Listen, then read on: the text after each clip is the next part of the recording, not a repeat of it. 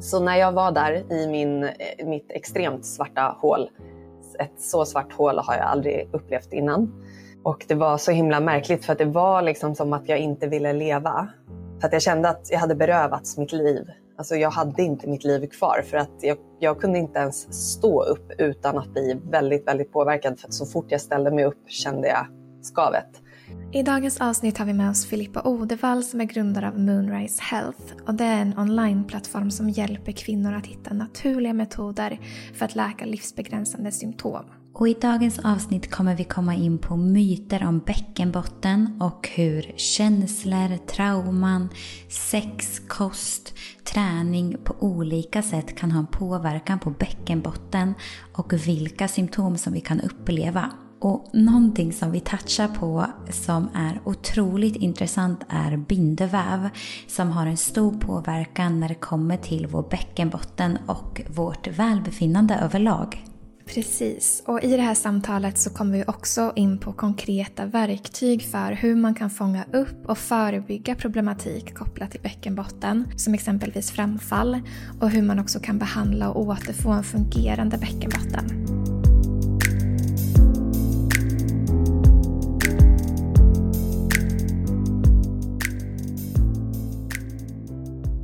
Varmt välkommen hit Filippa Odevall.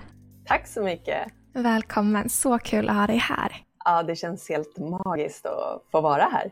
Ja, och jag har ju senaste veckorna djupdykt i bäckenbotten och allt vad det innebär. Så det känns så himla fint att ha dig här för jag är fortfarande en riktig nybörjare och bara få djupdyka i det här ämnet. Ja, men det ska bli så kul. Jag har väldigt mycket passion för allt vi kommer tala om så jag hoppas verkligen att, att det kommer komma fram hur mycket det finns att lära sig och hur ändå enkelt det faktiskt är att börja ta hand om sin bäckenbotten.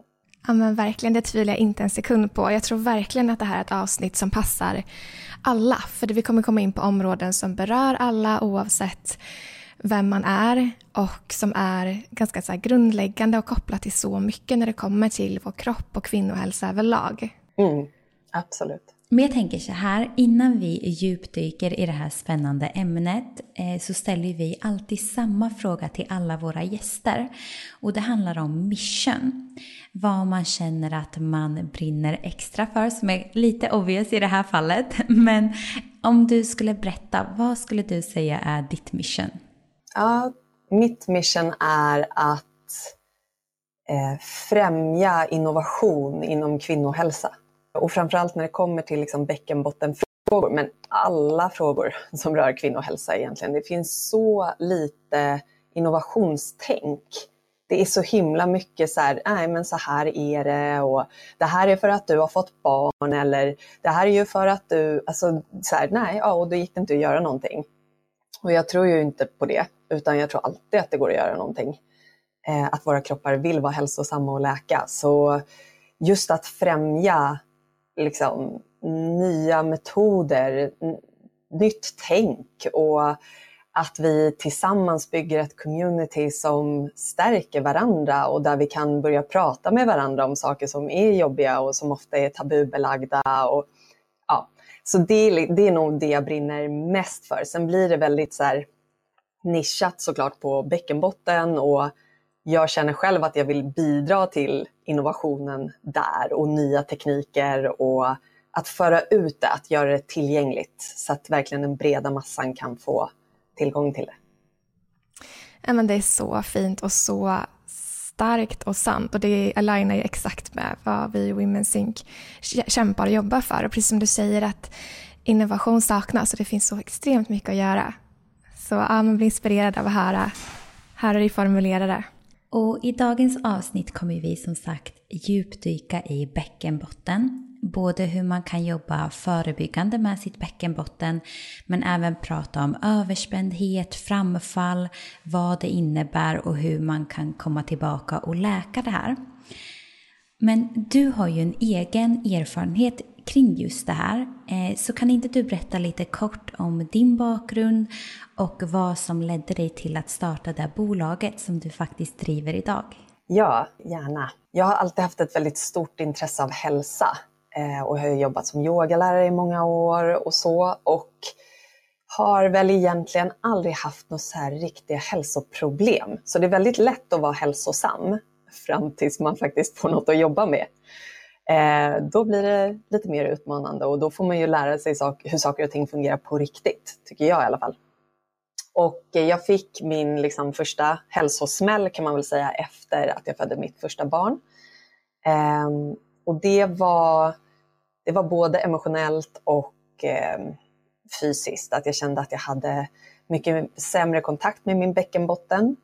Eh, och det påverkade mig och jag blev väldigt nere på grund av det. Och jag kände liksom att hela förlossningen var svårt egentligen att sätta ord på därför att det var som två parallella världar.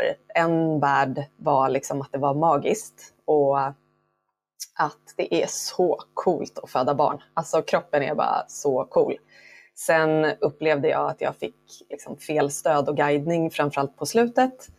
Eh, och att det var på något vis då saker gick fel. Så jag hade något så här bittersweet känsla liksom, av hela den upplevelsen. Ehm, men förstod att jag behövde börja bearbeta det, så jag gjorde det på olika sätt. Mest emotionellt för att jag var ganska, hade ett inslag av depression liksom, i livet på ett sätt som jag inte hade haft innan. Och det kan ju såklart bero på många saker, så här, hormonella eller det, liksom det fysiska som hände med mig och det traumatiska och så vidare. Sen efter eh, min andra Eh, sons förlossning så, så var jag, mådde jag egentligen väldigt bra de första tre månaderna. Jag hade en hemförlossning, jag kände liksom att jag hade gjort saker på mitt sätt mycket mer än vad jag hade möjlighet att göra första gången. För att första gången, är, man vet ju inte hur det är. Andra gången har man i alla fall några referenspunkter att, att gå på. Så jag kände att jag liksom återtog på något vis makten över hur jag ville föda och så. Men tre månader efter den förlossningen så gick jag runt som vanligt en dag hemma med en treåring och en tre månaders. Eh, och höll på att pyssla med allt man behöver pyssla med då och liksom fixa tvätt och mata och städa och göra allting samtidigt. Och jag, men jag gick runt där och bara, mm, vad är det som ligger i mina trosor? Är det typ så här, har det kommit in någonting från sandlådan eller vad, liksom, det är något som skaver. Och så gick jag in, sprang in på toan och kollade i trosorna, men det var ingenting där. Men det fortsatte resten av dagen också och jag tyckte att det var så himla konstigt. Så på kvällen när barnen sov så kollade jag igen, var ingenting i trosorna. Så då tog jag en spegel och tittade liksom in i underlivet. Och fick den värsta chocken jag fått i hela mitt liv därför att det såg ut som att det kom ut en rosa golfboll ur liksom min eh, Mm, ja, vad säger man, vaginalöppning. Och det var så fruktansvärt. Alltså, på sätt och vis tänker jag att så fruktansvärt kanske det inte var som jag reagerade, men min kropp reagerade verkligen som att det var så fruktansvärt för att jag började tokskaka. Så jag låg i fyra timmar och verkligen skakade. Kunde inte sluta och grät och var liksom helt... Det var som att min kropp övertog min reaktion. Jag hann kunde inte ens tänka, jag kunde inte sortera någonting. Så jag kunde inte heller säga vad det var jag var rädd för egentligen. Men som tur var så hade jag kontakt med min hembarnmorska då Um, och det är ju fint när man föder hemma att man faktiskt får ha den kontakten uh, lite mer privat om man säger så. Jämfört med sjukhus, då är det ju mer vem som jobbar på skiftet. Så jag, jag skrev till henne och så här, det är det här jag ser, vad är det här för någonting? Och då skrev hon att såklart kan jag inte diagnostisera någonting, men det låter som att det kanske skulle kunna vara ett framfall. Och så googlade jag framfall och såg ganska snabbt att det är nog det. Eh, det ser likadant ut. Så att jag fick det bekräftat egentligen den vägen. Och jag gick faktiskt aldrig sen till någon som bekräftade det inom sjukvården. Och anledningen till det var att efter min första förlossning, när jag inte kände att det var hundra i min bäckenbotten, då gick jag till flera, både fysioterapeuter, barnmorskor och läkare och undrade så här, vad, är, vad är det för fel? Vad kan jag göra? För att jag känner inte att det är som vanligt. Och det de sa var, det här ser jättefint ut, gå hem och knip du måste knipa. Så då knep jag ju i typ tre år superregelbundna, exakt som de sa, så här 30 gånger om dagen, tre explosiva, tre lugna, tre, ja, vad det nu är liksom receptet är. Eh, men det hjälpte inte ett dugg.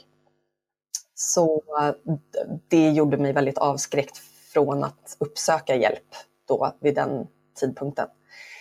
Så jag var mest bara ganska, eh, ganska superdeprimerad av det här och kände mig extremt isolerad och, och ensam. Och det var väl så allting startade kan man säga. Ja, alltså jag har fått rysningar när jag hör dig berätta.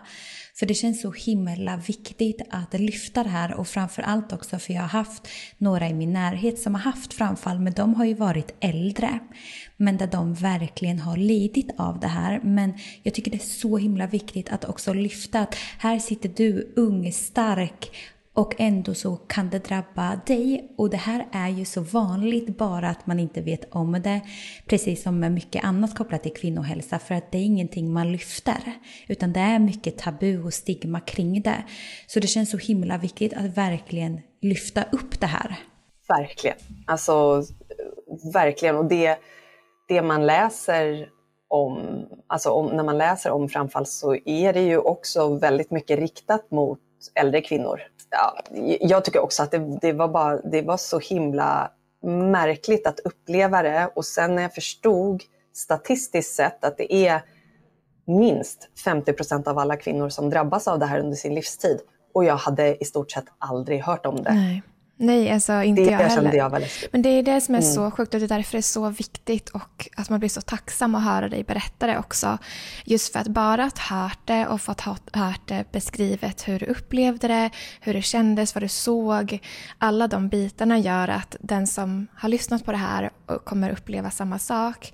Att det kanske inte blir riktigt lika skrämmande och det är ett så viktigt steg i medvetenheten att sprida kunskapen kring det. För att en del i det är ju också just det att man känner att nej men det är något fel på mig. Det här är ovanligt. Jag är säkert den enda i min ålder eller i det här läget som upplever det här. Just för att som du säger att man kanske hör mer om det i relation till äldre kvinnor eller vad det nu kan vara. Att bara få höra att nej men det är vanligt och det går att komma ur det. Vilket verkligen också är målet med det här samtalet, att få höra hur du tog dig vidare från det här. Ja, ja men precis. Ehm, så när jag var där i min, eh, mitt extremt svarta hål, ett så svart hål har jag aldrig upplevt innan. Och det var så himla märkligt för att det var liksom som att jag inte ville leva.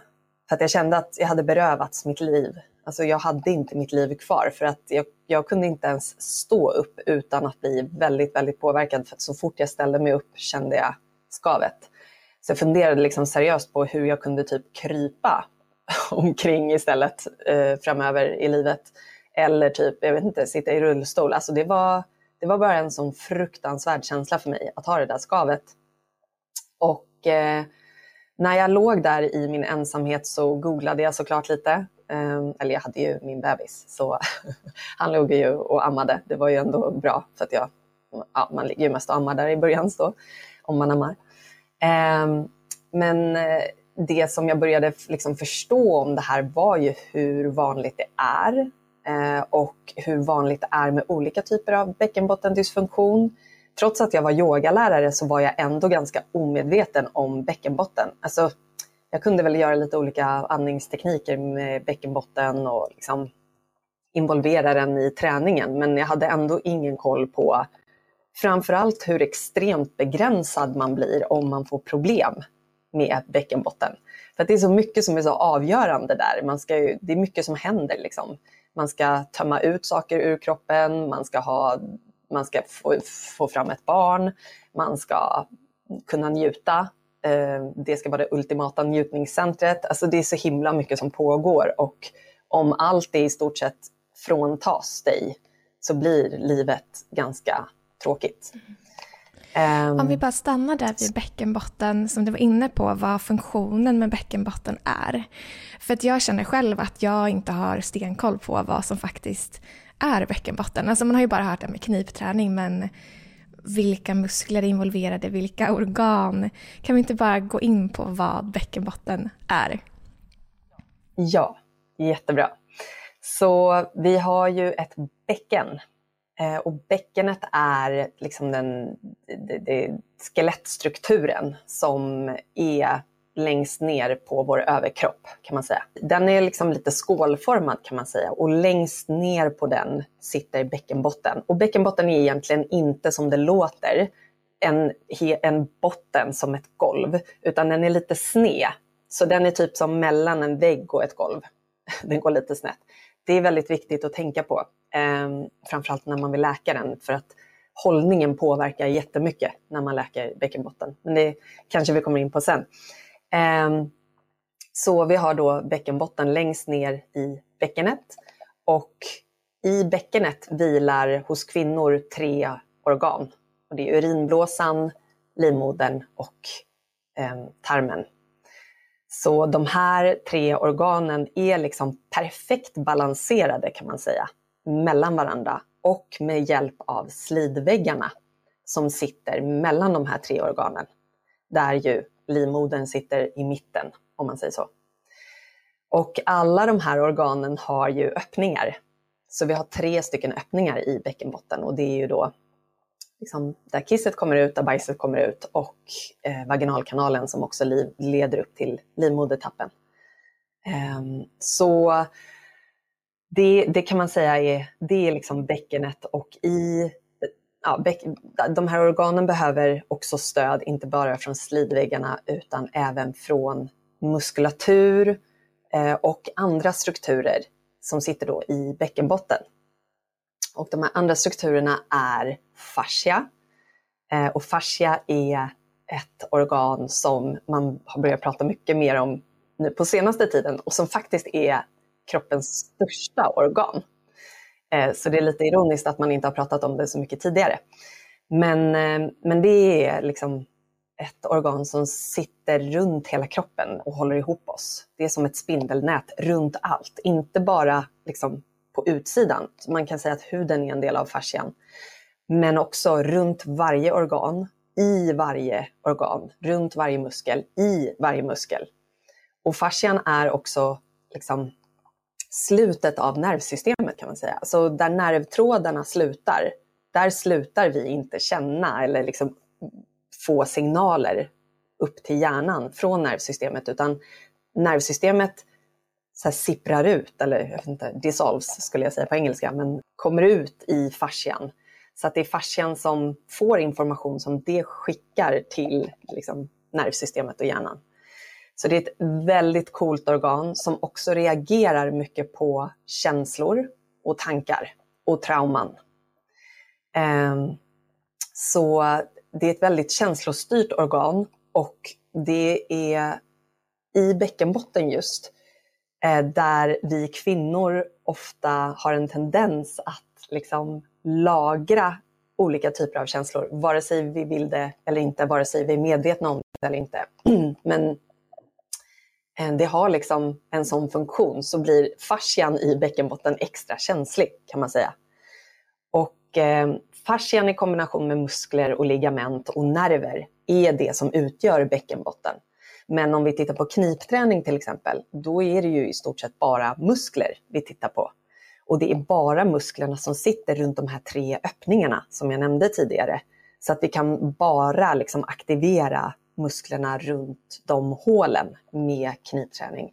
Men bäckenbotten är så mycket mer och man kan jobba mycket mer helhetligt eh, med bäckenbotten. Var det en tydligare bild av vad, vad bäckenbotten är? Verkligen. Nej men alltså, Jättebra. jag älskar det här och mamma pratar mycket för hon är yin-yoga-lärare. Så just med fascia, bindeväv och betydelse av, av den. Men sen har jag nu läst en bok som också handlar om att hon är health practitioner inriktat med, mot just bäckenbotten. Och det hon nämnde i den här boken, för hon jobbar i Australien, det var just det här att till exempel eh, alltså massage, vaginal massage och hur man kan göra det själv men också via en ja, practitioner för att just hjälpa till med muskulaturen, bindväven och att det kunde räcka med en till två gånger man gjorde den här vaginala massagen av henne och år av smärta försvann. Och när jag läste det här, det här var typ ja, en och en halv månad sedan, jag bara det här är så coolt. Mm. Nej men det är, alltså fascia och beröring går väldigt nära liksom, hand i hand och det var eh, en av de tekniker som jag kände att jag kom längst med när jag läkte framfall, att jobba med egentligen eh, mer än massage skulle jag säga för att eh, det handlar väldigt mycket om att känna in eh, liksom fascian eller strukturen man är på och har man bäckenbottendysfunktion är sannolikheten väldigt hög att man har ärrvävnad. Och det är ärrvävnaden som ställer till det för att den skapar en massa obalans i de här strukturerna som finns i bäckenbotten. Så när man börjar beröra den och jobba med den och samtidigt också håller ett emotionellt space för saker att komma upp för att i de här ärren sitter det trauman. Det, är liksom, och det finns faktiskt vetenskaplig forskning på att fascia verkligen reagerar på emotionella upplevelser.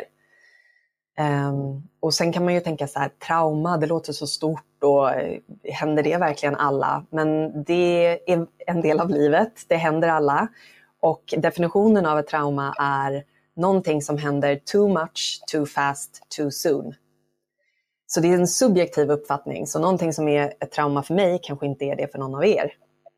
Men om man har den där upplevelsen av att det bara kommer för mycket för snabbt på en gång över en och är på något vis livsförändrande, då kommer fascian i kroppen reagera någonstans och vanligtvis hos kvinnor i bäckenbotten. För jag tänker på det här samma ärrvävnad, att vad är det för olika saker som kan skapa ärrvävnad i bäckenbotten? Ja, alltså det är framförallt trauma. Och trauma kan ju vara lite olika saker. För de allra flesta är ju en liksom, förlossning ett trauma. Eh, det är ju någonting som går väldigt snabbt och eh, ja, allt, det, det är mycket. Och I den här världen vi lever i så tror vi inte riktigt på kvinnors kapacitet att föda. Utan eh, generellt så är det snarare så här, man tittar på klockan och funderar på varför det inte kommer fler regelbundna verkar. Och det kommer ju såklart stressa kvinnan som ska föda. Så det är liksom inte riktigt upplagt emotionellt heller för kvinnan att känna sig trygg när hon föder. Och det är ju väldigt avgörande för att en förlossning kanske potentiellt inte skulle behöva bli traumatisk. Så allt, allt som rör det kan såklart skapa trauma antingen fysiskt eller mentalt, emotionellt. Men det kommer ge utslag på båda sätten ändå. Alltså vi kan inte ha ett trauma som är enbart fysiskt, som vi inte blir påverkade av emotionellt, eller tvärtom. Men det kan också vara att man kanske liksom ramlar och skadar sig, skadar bäckenet på något vis. Det kan vara sexuella övergrepp. Eh, det skulle också kunna vara sexuella trakasserier, alltså att man kanske inte har blivit direkt typ våldtagen eller någonting och fått skad, fysiska skador på grund av det. Men att bli kränkt som kvinna på det sättet kan ändå sätta sig i bäckenbotten och kanske inte nödvändigtvis skapa ärrvävnad men fascian kommer i alla fall reagera genom att dra ihop sig och blir spänd och hård. Och det har samma karaktär som ärrvävnad har därför att då kan inte de cellerna som är där inne i ärrvävnaden få tillgång till blodcirkulationen. Och då kan de inte fungera normalt därför att då får de inte näring och de blir inte utstädade. Och det behöver celler för att kunna fungera optimalt. Så det skapar en obalans och en odynamik i hela området. Sen skulle det också kunna vara helt andra trauman, alltså, Eh, som, ändå sätter sig i bäckenbotten. Om det liksom är en, att man har trauman från barndomen eller att man har någon relation eh, som hela tiden finns där och, och påverkar en mentalt och emotionellt.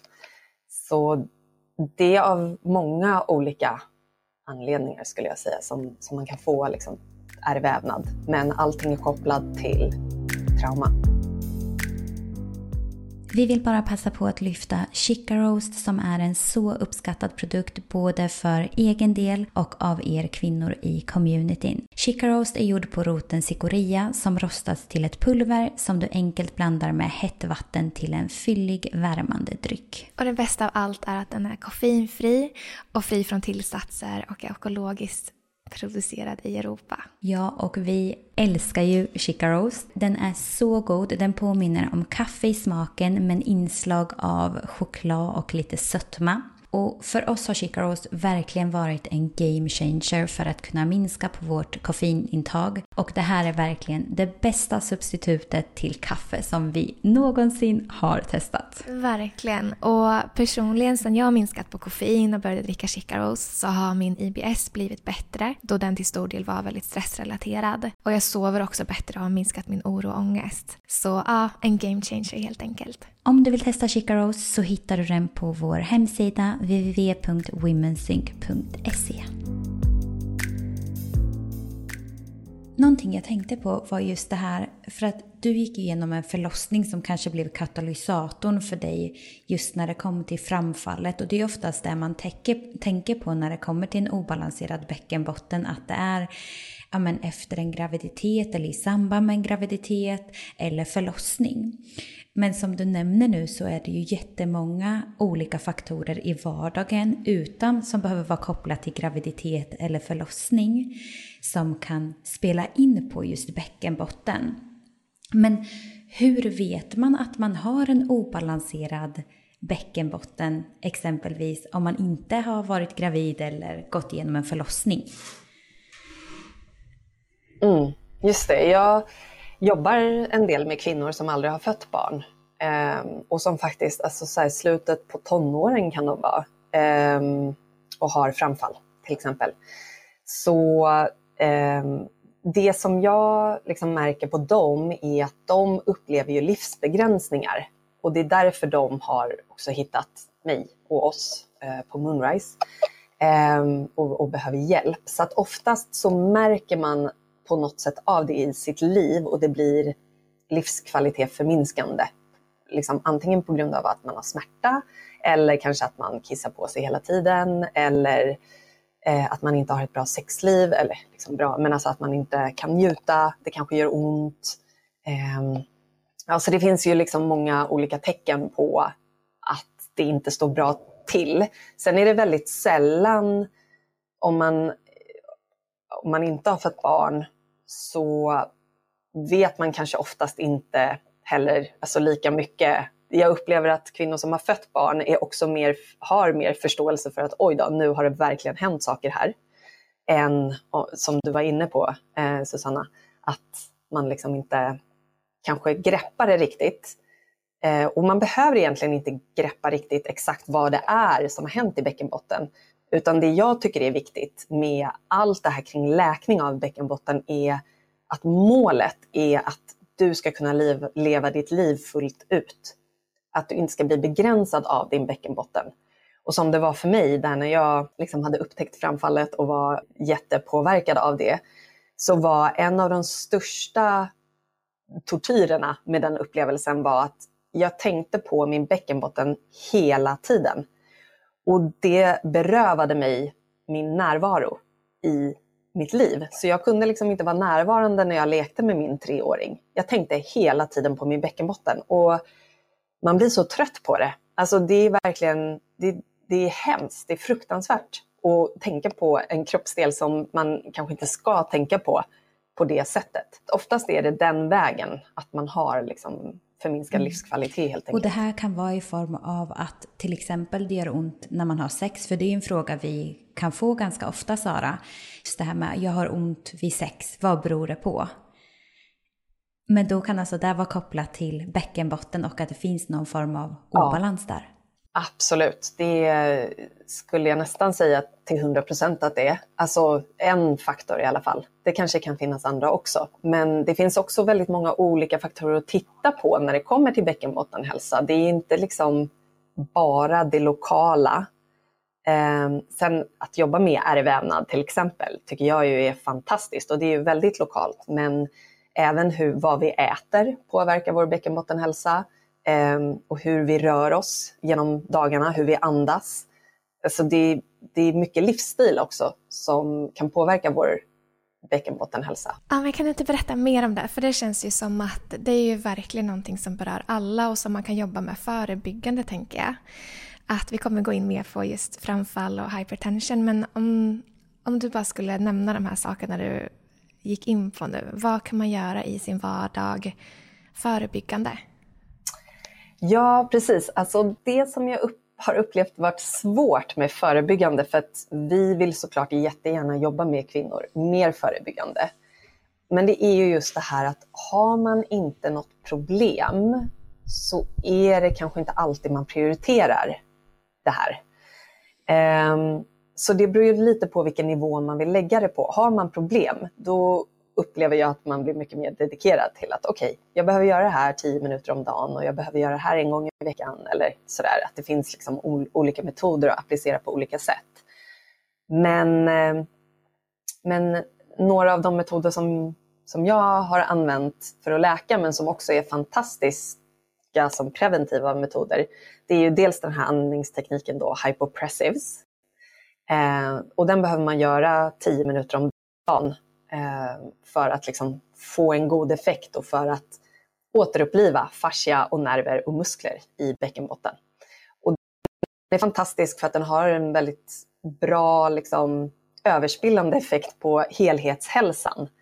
För att det är liksom en slags styrketräning i kombination med andning som också blir liksom en form av meditation. Framförallt genom att vi har ett andningsuppehåll som heter apnea.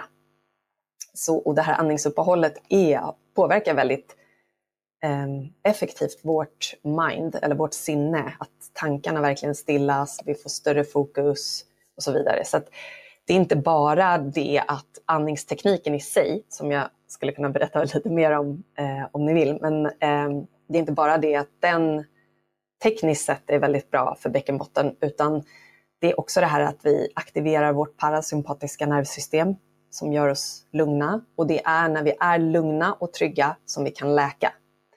Så när vi känner oss stressade eller om vi har sovit dåligt eller ätit dåligt eller när kroppen känner av sådana faktorer, då läker vi inte lika bra. Eh, så, så den andningstekniken som grund tycker jag är helt fantastisk och många som är gravida kommer ju in på att gud, jag kanske måste göra något med min bäckenbotten nu och så kommer man på att man ska knipa hela tiden. Och det kan man ju göra om man gillar knip. Men om man känner att det där inte liksom ger mig någonting, behöver man inte göra det. Utan då finns det andra metoder. Och att göra hypopressives eller hypopressiv träning då inför förlossningen är väldigt bra förlossningsförberedande och liksom justerande i hållning. För när man är gravid så förändras hållningen väldigt mycket eftersom det ska få plats en bebis i magen. Så det är helt naturligt. Men eh, om vi ger vika, om man säger så, för mycket för det och inte hittar tillbaka till en korrekt hållning efter förlossningen, då, då kan en sån grej också ha påverkan på.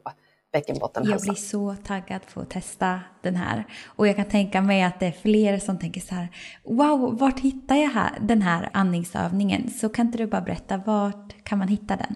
Ja, jo men absolut. Nu kan man nämligen hitta den i Sverige. För att, eh, yay. När jag var på min läkningsresa så fanns det ju absolut inte i Sverige. Eh, men nu har jag eh, utbildat mig och skapat en onlinekurs. Så det som är väldigt bra med den är att man kan göra, lära sig tekniken när som helst och var som helst i stort sett. Men det finns vissa risker när man lär sig tekniken. Så man måste vid vissa kritiska punkter ha en lärare som tittar på tekniken så att man inte gör någonting värre eller fel. Så då, då behöver man skicka in en video till mig så tittar jag på tekniken och ger feedback så länge som det behövs för att man verkligen ska ha ultimat teknik för att få ut bästa resultaten. Och sen går man vidare i kursen och hittar in i ja, vi har så mini-flows liksom, som man kan följa. Jag älskar också att det här är så holistiskt, för det är där vi pratar så mycket om i Women's Sync, att det handlar inte bara om det fysiska, utan det handlar ju mycket om det emotionella, mentala och alla de här delarna. För jag hade inte själv reflekterat så mycket kring bäckenbotten, även om jag har varit väldigt insatt i träning och hälsa så har jag aldrig reflekterat så mycket kring det förrän för några veckor sedan när jag började känna Dels fick jag ryggskott när jag skulle plocka upp en sak och jag är ju gravid så jag bara, aha, vad hände här? Eh, men sen också när jag tränade sen att jag kände mer som en liten tyngdkänsla neråt när jag gjorde vissa övningar och jag bara, nej, vad är det här? Jag har aldrig känt det här tidigare och då blir man ju väldigt medveten. Och framförallt med tanke på där vi jobbar så blev jag ju väldigt nyfiken. Så då gick jag till en sjukgymnast eh, som var inriktad på det här för att jag dels ville kolla bara, men hur är egentligen min bäckenbotten? Hur är den balanserad eller är den den inte? Eh, men också hur, hur är knipet? Men det hon framförallt kollade på var ju de fysiska delarna. Så nu när du pratar om det här och när jag kan väva ihop saker som mamma pratar om och hon skickar mycket bindeväv graviditet så känns det så holistiskt och det resonerar så starkt med mig. Det blir ytterligare en dimension. Och hur man också får det liksom hållbart på ett annat sätt och kan jobba med alla de här delarna. Ehm, så att ja, wow, jag blir så här, ja det här är så coolt. Eh, verkligen.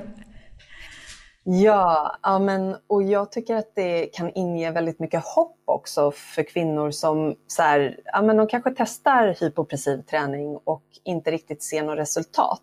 Det är inte som att nej, då, nej, då fanns det inget vi kunde göra. Alltså, det, det är inte den synen alls som man behöver ha på bäckenbottenläkning utan alltså jag provade ju upp till 40 metoder tror jag för att läka eh, min bäckenbotten. Jag var ju i och för sig lite så här fanatisk kanske eh, och gjorde det lite till mitt projekt. Men eh, det var så, jag blev så taggad när jag kände att kroppen började svara an och jag faktiskt kunde påverka det här för att det, det, det kommuniceras ju inte någonstans liksom, att, man, att man kan läka eh, så generellt. Så eh, ja, jag, jag, tror verkligen också att den delen är så himla så här, om man lägger till, ja, men man kanske behöver titta på vad man äter eller ja, hur man lever sitt liv helt enkelt och vilka delar man kan börja optimera för att boosta sin bäckenbottenhälsa. Så det behöver inte heller vara det här att man ska lägga en massa tid på att träna på ett visst sätt. Utan det kan vara andra saker. När du touchar vid till exempel kost, på vilket sätt påverkar det bäckenbotten? Eh, alltså, jag tror ju... Nu, nu, ah, det finns en forskningsstudie faktiskt eh, som jag liksom kan hänvisa till. Jag ska bara berätta min upplevelse först. Eh, det var ju att jag, eh, jag var vegan och vegetarian eh, i ungefär 12 år. Och när jag hade liksom fått framfallet och när jag väl hade börjat söka på Dr. Google eh, efter liksom alla, all, all möjlig hjälp som jag bara kunde tänkas få. Hittade jag ju jag började ju hitta resultat när jag insåg att jag ska inte söka på svenska utan jag ska söka på engelska. Eh, så då började jag hitta inspirerande kvinnor och practitioners som jobbade på olika sätt. Och då var det alltså vid tre olika tillfällen när jag jobbade med tre helt olika practitioners som bodde på helt olika liksom, corners of the world. Eh, först en av dem sa så här, du borde, du borde prova att äta något slags kött. Och, och jag var så här, men alltså lägg av, det här är ju inte liksom, jag har varit vegan och vegetar vegetarian så här länge och jag mår jättebra av det och bla bla bla bla bla. Eh, sen när andra kvinnan sa det, jag bara, mm, alltså, men de här känner ju inte varandra, hur kommer det sig att hon också säger det? I, alltså, kan, typ, då, blev, då, då började jag nog så här, kan det vara så? Men jag släppte det. Men när den tredje kvinnan sa det, då gick jag och köpte en kyckling. eh, vilket var verkligen en så stor grej för mig. Men, men jag, var också, jag, är, jag var också ganska så här, jag är på en läkningsresa. Jag ser det här som, mina, som mitt kosttillskott. Liksom. Jag, jag litar ju ändå på de här kvinnorna. Alltså, jag har ju gått till dem och bett om hjälp. Eh, och de har ju haft resultat med kvinnor de har jobbat med tidigare på olika sätt.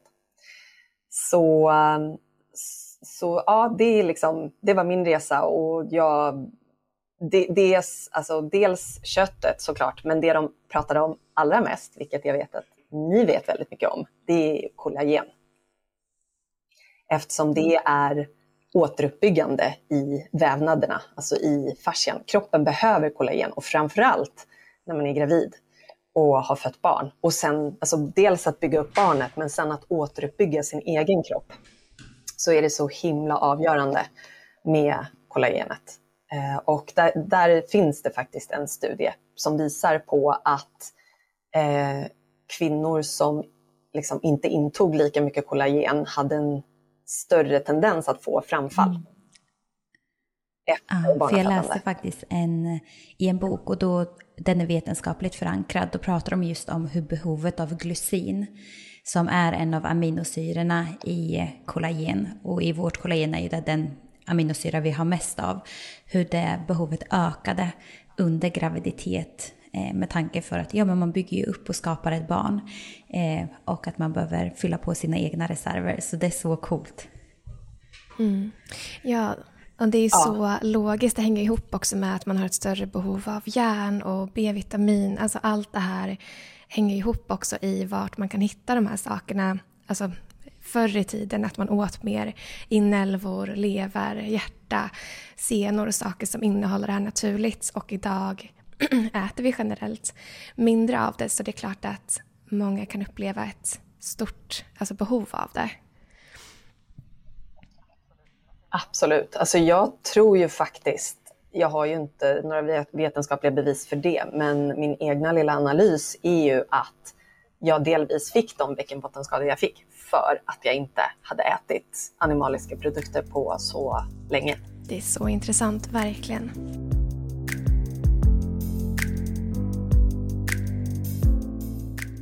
Ja, men för jag tänker på att många säkert undrar hur går man tillväga? Vart börjar man? Om man har upplevt de här symptomen av framfall eller är på den platsen som du var på när du berättade om att du mådde så dåligt och tänkte på det hela tiden. Vad var dina första steg och hur, hur tar man sig framåt? Ja, alltså jättebra fråga. Därför att det som händer när man är i en sån här situation för väldigt många är ju att man får kanske lite tunnelseende och var är det man vänder sig när man behöver hjälp med sin bäckenbotten? Vi har inte tusentals alternativ serverade för oss utan det är liksom från sjukvårdens sida. Och det, de lösningarna som finns där kan ju passa vissa. Ehm, så KNIP till exempel hjälper ju för ungefär 30 procent av alla kvinnor. Eh, för resterande så hjälper de inte alls eller det blir mycket värre. Ibland frågar kvinnor om jag liksom är emot KNIP, men så är det ju inte. Alltså jag vill att det som funkar för dig, gör mer av det. Det är egentligen typ filosofin. Ehm, och det, alltså för mig var det ju jättesvårt att, att hitta något annat än vad vården erbjöd först. Det var ju för att jag kom till verkligen botten, botten, botten. Och bara, jag hade en så här, nästan spirituell upplevelse av att jag var så jävla förbannad. Och jag var bara så här, jag var eld och lågor och bad min man och barn att gå hemifrån och jag bara hade mitt typ värsta utbrott som jag aldrig i livet trodde, alltså jag kände inte igen mig själv. Liksom. Jag var typ ett vilddjur och jag bara var tvungen att kanalisera den här ilskan. Sen var jag helt slut. Så jag bara låg på golvet och andades och bara var så här, vad händer nu liksom? Och just då, det var en ganska tråkig och regnig dag, men just då kommer solen fram och bara blänker in rakt på mitt ansikte. Och jag bara, jag fick en så här halleluja, jag bara, jag ska läka. Så jag, där var jag så himla, jag blev så committed. Det var liksom, alltså jag, jag var så dedikerad. Så jag, eh, ja, när jag väl började googla på engelska och började hitta metoder och dessutom kvinnor som faktiskt hade läkt framfall naturligt det var en sån himla stor boost som jag behövde och som jag önskar också kunna ge till andra kvinnor genom typ det här samtalet. Alltså att man hör om att det faktiskt finns ett sånt alternativ. Det kommer ta en nästan halvvägs. För att om någon annan kvinna har gjort det, varför skulle inte du kunna göra? Eller du liksom. Så det första steget är väl egentligen att börja ta till sig mer information och förstå vad har jag för alternativ utöver knipövningar, en prolapsring eller operation. För det är ju det som presenteras av sjukvården och sen är det som att ja, det var det. liksom. Eh, så att, att börja sondera terrängen och förstå mer. Eh, och det kan ju vara lite svårt såklart och det är ju det som vi liksom har jobbat med på Moonrise, att ta fram olika program och kurser för att göra det lättillgängligt för kvinnor. Att dessutom kunna göra det hemma. Så att har man en bebis, då kanske man inte har hur mycket tid som helst och man kanske inte kan lämna hemmet lika enkelt på samma sätt. Eh, så det handlar ju om att liksom hitta metoder som funkar i ens vardag, för man behöver kontinuiteten och man behöver regelbundenheten över tid. Och det är också en klurig grej, det här över tid, därför att för mig till exempel så var det ju sån himla berg och dalbana och det är det för de flesta kvinnor som jag jobbar med. Att det blir bättre och sen får man värsta smällen och bara hamnar ner i det där svarta hålet igen och alla symptomen som man har jobbat med att få bort kommer tillbaka. Och det känns typ som att allt jag har gjort var inget värt. Jag har inte kommit någon vart. Alltså man blir nästan ännu mer deprimerad för att det känns som att nej, nu är jag tillbaka på ruta ett. Men man är inte det. Utan det, det är så resan är. Det är väldigt få läkningsresor generellt som är linjära. Eh, naturen i sig är ju snarare en vågrörelse än en linjär rörelse. Så eh, ja, det, det, är väl liksom det att, eh, att hitta ett sätt som funkar för mig och att börja ta in olika metoder. Det kan ju vara hypopressiv träning. Det finns massa olika fasciametoder. Eh, även snippsauna. Jag vet inte, det kanske ni har pratat om någon gång eller har varit inne på själva? Nej, vi har vi har, jag, jag är medveten om det, men vi har inte pratat om det eller testat det. Mer än att jag vet att många använder Nej. det. Det är ju en fantastisk metod. Det är ju typ som en facial steaming fast en vaginal steaming. Alltså hukbad hette det förr i tiden. Det har ju funnits i Sverige tidigare eh, för länge sedan. Men... Är det främst till för då att Alltså avslappning, att få liksom bindväven, musklerna att slappna av. Ja, och vagusnerven, eh, som nu för tiden känner många till den, det är ju den, den nerven som den största nerven i vår kropp för att känna oss avslappnade. Den sitter precis ovanför livmodern. Så att när ångan kommer upp och värmer så blir den avslappnad. Så den, den, det är en sån himla effektiv metod för just avslappning. Men sen är det ju också att sätta igång cirkulation i fascian, i musklerna, i vävnaderna. Så att de här ärrvävnaderna kan börja lösas upp och även liksom den här nutritionen, alltså näringsämnena som vi kanske har börjat äta, eh, också kan liksom komma in i bindväv, bindväven och cellerna och, och så. Så den har ju många aspekter. Ja, för där har jag sett när man kör snippsauna att man exempelvis kan använda sig av vissa örter också. Eh, för att hjälpa till i processen. Och vi älskar ju örter. Eh, så att, eh, ja. Ja, och det är ju så underbart. Daggkåpa till exempel är ju en ört som drar ihop bindväven. Som man både kan göra liksom tea infusion på, eh, kanske postpartum eller eh, ha, i, ha i sin snippsauna. Det är bara ett exempel, det finns ju många örter med jättefina kvaliteter. Så, ja, så spännande. Så du nämnde nu hyperpressives, eller hypopressives, snippsauna, bindvävs, alltså fascia. Är det då massage man kan göra själv eller få? Ja, det är ju liksom olika metoder. Det är inte massage skulle jag säga. Massage är ju jättehärligt eh, också. Det är inte som att det är emot massage. Men det finns annan typ av träning eh, och övningar som påverkar mer djupgående i just fascia. För att fascia har ju olika lager som man vill jobba med, att de här lagren glider mot varandra, att det är återfuktad. Eh, och just fascia behöver mycket återfuktning. Och det är inte bara genom att så här, oh, nu måste jag dricka åtta glas vatten, utan det är mycket mer om hur vi jobbar med kroppen. Och även alltså, om man ska komma in på mer så här, kvantumläkning och lite mer sådana metoder för att boosta hela kroppen och alla system som finns i kroppen. Så viktigt att se solljus på morgonen, att undvika för mycket blått ljus, eh, att äta på vissa tider, inte för sent. Eh, hela den här cir cirkadianska, nu hittade jag på, circadian rhythm heter det på engelska, alltså att man lever efter solen. Eh, i mycket större utsträckning än vad många gör nu för att vi är så bekväma för att vi har ju lampor hemma och allt sånt här. Men det här påverkar ju alla processer i kroppen. Nervsystemet, det hormonella systemet, lymfsystemet och signalerar vad är det kroppen behöver nu.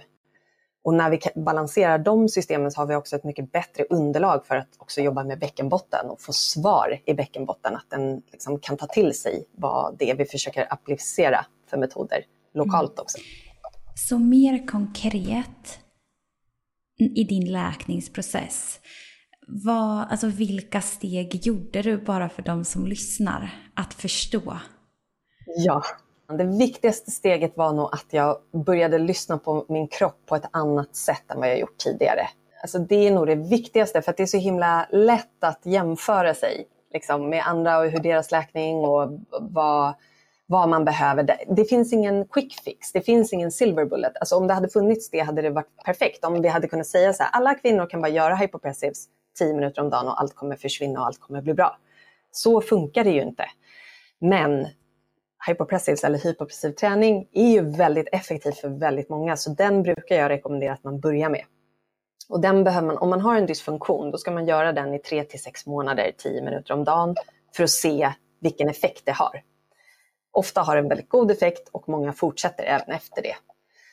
Ehm, men, men sen, ja, sen finns det ju liksom väldigt många olika typer av metoder att lägga till. Jag har nämnt några här, till exempel snippsauna kanske man kan göra ungefär en gång i veckan, men inte när man har mens. Och det finns andra kontraindikationer som man ska kolla upp lite mer exakt vad som passar för en. Om man har problem med menscykeln till exempel så ska man undvika vissa saker och så. Ehm, så den kan man ju göra en gång i veckan med den här typen av beröring på ärrvävnad och så. Om man kan göra det typ 5-10 minuter om dagen, kanske i duschen eller precis innan man sover och gärna med en olja som heter resinolja som bryter upp ärrvävnad så kommer det ha en väldigt stor effekt också. Alltså det finns ju så många metoder så magdans är en annan som jag älskar också och den är så himla, det är så fint för att vi behöver mer cirkulära rörelser som kvinnor. Mm. Alltså jag har ju jobbat som yogalärare så himla länge men det är så militäriskt. Man rör ju kroppen som ett streck hela tiden. Liksom.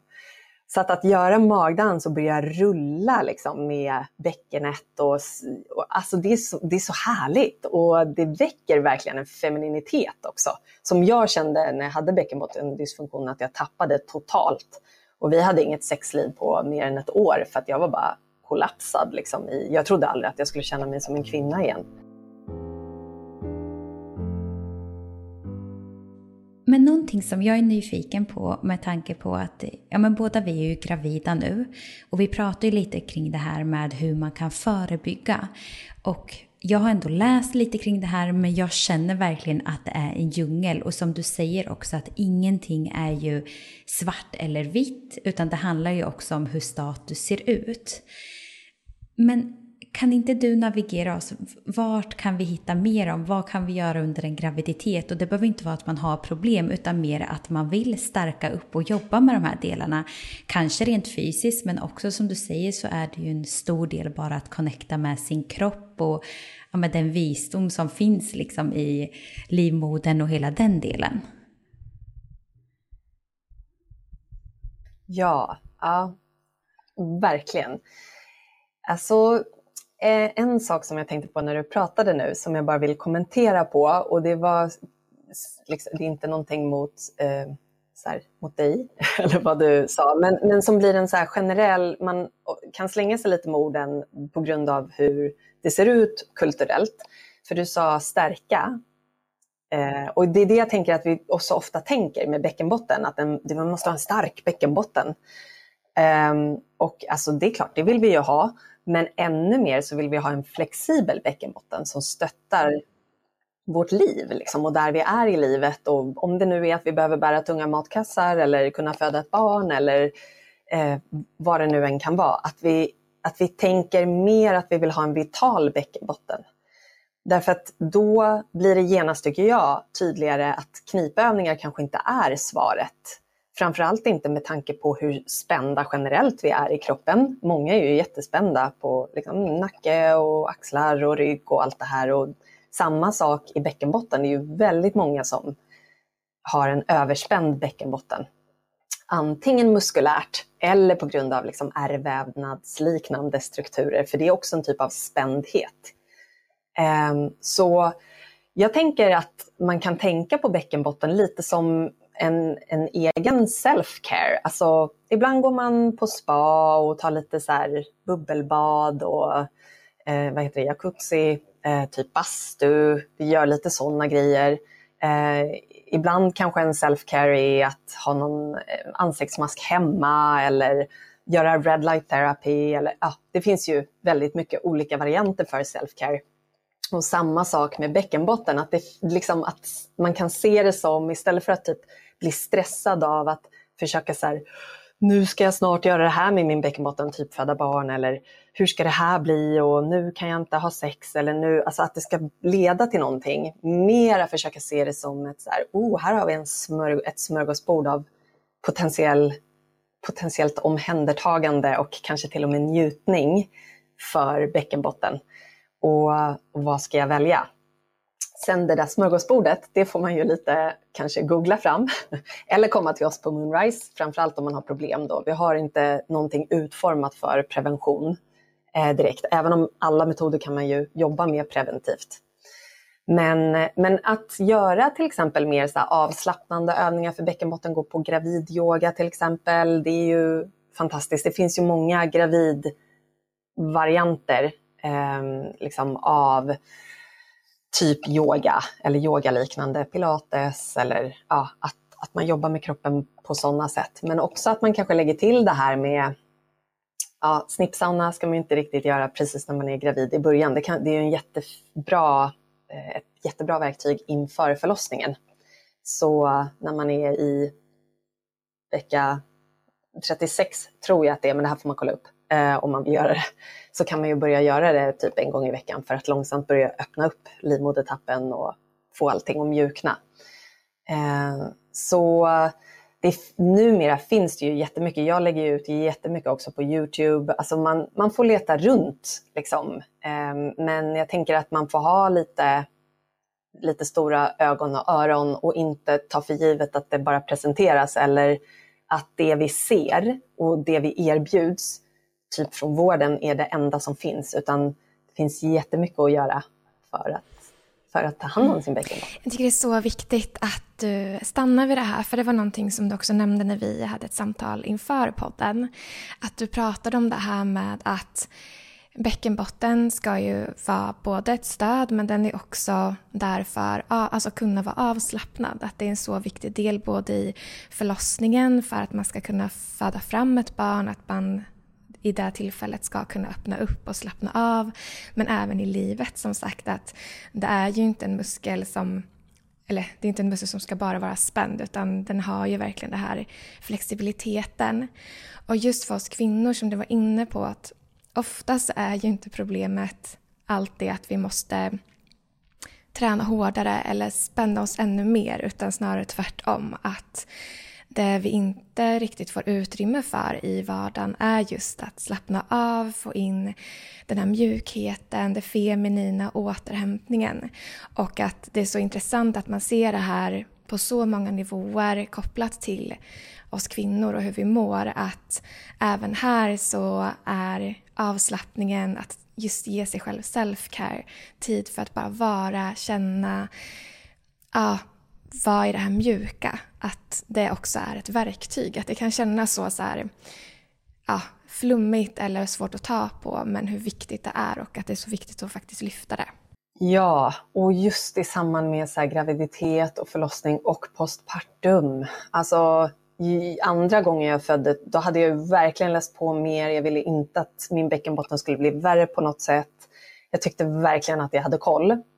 Och jag tyckte att jag vilade länge. Liksom. Jag hade hört på någon podd, tror jag att det var, att precis när man har fött, om man ser på det mer traditionellt och från typ så här ursprungskulturer och hur de tar hand om kvinnorna, då ska man ligga i sängen eh, i första veckan. Sen andra veckan kan man gå runt sängen. Tredje veckan kan man gå runt i rummet. Och, och fjärde veckan kan man börja gå runt i huset. Typ så. Och det höll jag faktiskt ganska bra. Men eh, ja, jag behövde annat stöd också kan man ju säga. Så det är, det är inte bara det. Liksom. Men just att vi är så himla efter förlossning, att det är så himla så här, alla ska komma hem och se bebisen och man ska bjuda på fika och det är liksom, det är helt fel. Alltså det en nybliven mamma behöver är ju stöd och samhörighet och andra mammor runt sig som kan avlasta och och att man kan vara liksom flera mammor på bebisen. Och det ger ju den här djupa avslappningen hos kvinnan. Eh, vare sig man kanske, även om det är bra att ligga ner såklart, för bäckenbotten i alla fall, så att man kan läka. Man kan gärna slänga in en kudde under höften också, så att höften ligger högt, så att allting kan liksom åka tillbaka och falla på plats. Men eh, mm.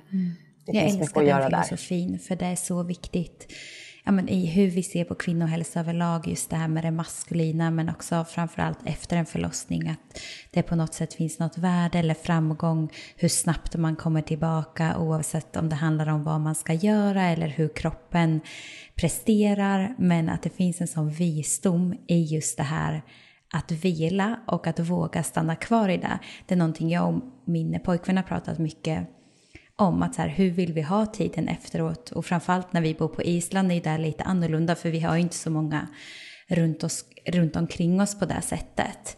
Men att ja, vi skulle kunna flytta härifrån två veckor efteråt men jag är så här, det kommer inte på kartan liksom. eh, så det, det är så viktigt att du lyfter det. För jag tror det supportar och gör oss medvetna om vad som är viktigt på riktigt. Mm. Mm. Ja, och om jag bara får lägga till där, för det här tog bort så himla mycket så prestation i mig när jag fick höra av en av mina lärare att vi tänker ju typ att det, tar, alltså det är till sex veckors kontrollen och sen ska vi vara ganska okej okay i kroppen och kanske till och med börja komma tillbaka lite grann. Men som man ser på det mer traditionellt sett och liksom från lite lite mer visdom, kan man väl säga, tycker jag i alla fall, är att det tar ungefär fem år för kroppen att läka mm. efter en förlossning. Så det finns liksom ingen stress och man behöver absolut inte gå på någon mamma bootcamp grej mm, liksom, och springa och amma sin bebis stup i kvarten. Alltså, ja. det finns väldigt mycket bättre sätt att stötta sin kropp på än att forcera in den och försöka komma in i någon form som förmodligen ändå inte kommer funka för att alla hormoner är ju helt förändrade efter en förlossning och kroppen svarar inte på samma sätt och framförallt inte om man ammar. Så låt det bara, alltså, bara vara i typ två år, sen kan du börja tänka på din kropp. Ja, men det är så viktigt att påminna oss och varandra om det, för det är också någonting som kan kännas kanske svårt att lyfta med en partner eller Ja, men just för att de möts ju inte av den här informationen eller pratar inte om de här sakerna och samhället i sig är ju väldigt fokuserat på att komma i form, vara tillbaka som man var innan. Alltså, det är ju det kan ju vara svårt, även om man känner inom sig att det här känns viktigt och naturligt och jag vill lyssna på kroppen, så behöver man nog höra det från folk i sin omgivning och på olika forum för att också våga lyfta det med sin partner eller lyfta, lyfta det till sin omgivning att jag vill ta det lugnt på det här sättet, det här är viktigt för att kunna göra det. För det är lätt att man annars faller in under all den här pressen om ideal och allt vad det är. Ja, hundra procent. Verkligen. Och för, liksom för att våga vila. Det tror jag stor del av er resa kanske redan har varit. Alltså att, att faktiskt hela tiden backa. Det är ju det är mycket det vi ska göra som kvinnor.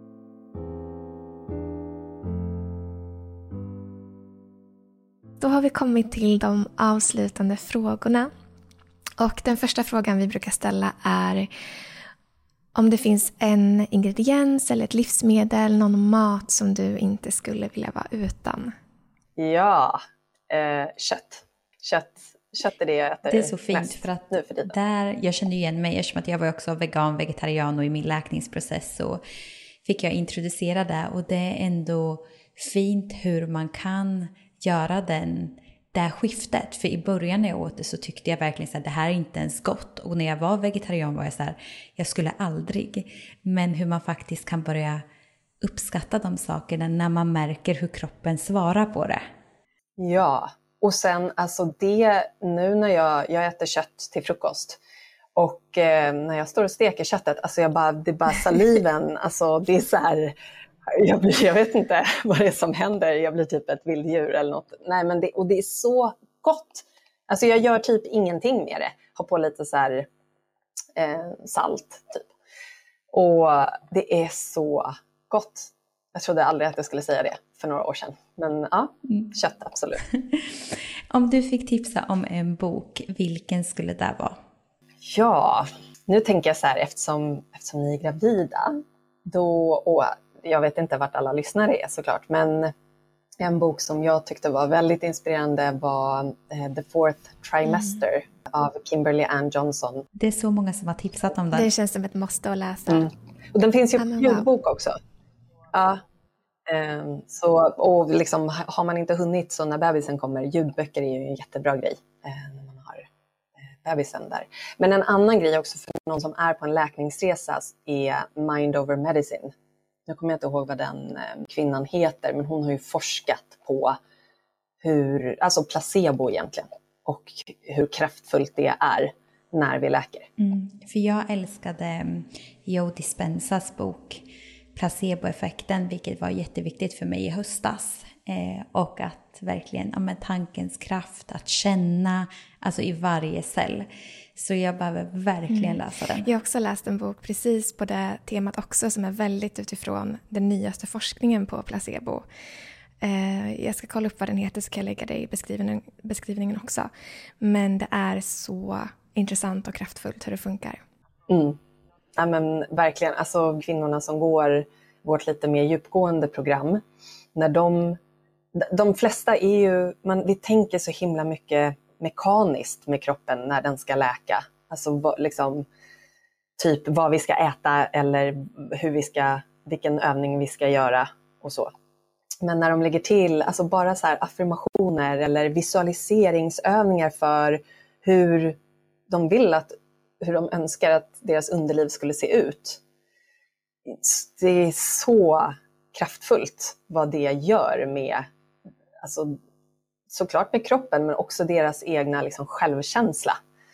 Eh, och, och, att sen kunna gå vidare eh, utifrån den på läkningsresan som kan vara ganska utmanande. Mm. Ja, men det ger så mycket hopp. Och eh, den sista frågan, om du fick ge ett råd till ditt 16-åriga jag, vad skulle det vara? Den tycker jag är svår faktiskt. För att jag är så himla tacksam över mitt liv.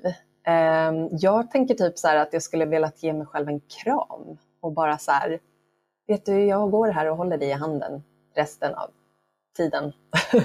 och bara velat så här, den, det är nog inget råd jag vill ge, det är nog mer typ en känsla av så här, jag var trygg i mig själv och allt, alltså jag hade inga större svårigheter med någonting egentligen, men jag mer den här känslan av typ community hade jag velat få in där i unga år. Att jag hade fått uppleva det. Och framförallt med andra kvinnor.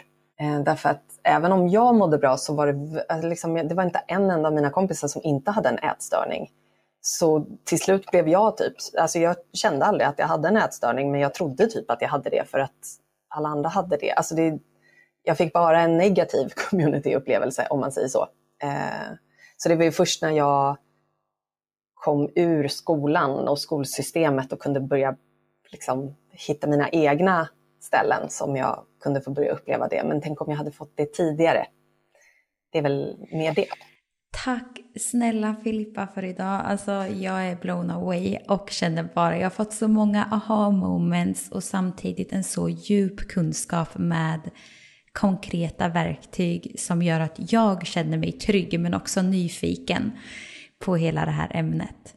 Mm, verkligen, så många ögonöppnande insikter och så mycket hopp. Att jag känner mig heller inte lika rädd att skulle det här drabba mig med till exempel framfall, att jag känner mig tryggare i att jag vet att det går att komma tillbaka och det finns så många holistiska verktyg vi kan använda oss av. Så stort, stort tack!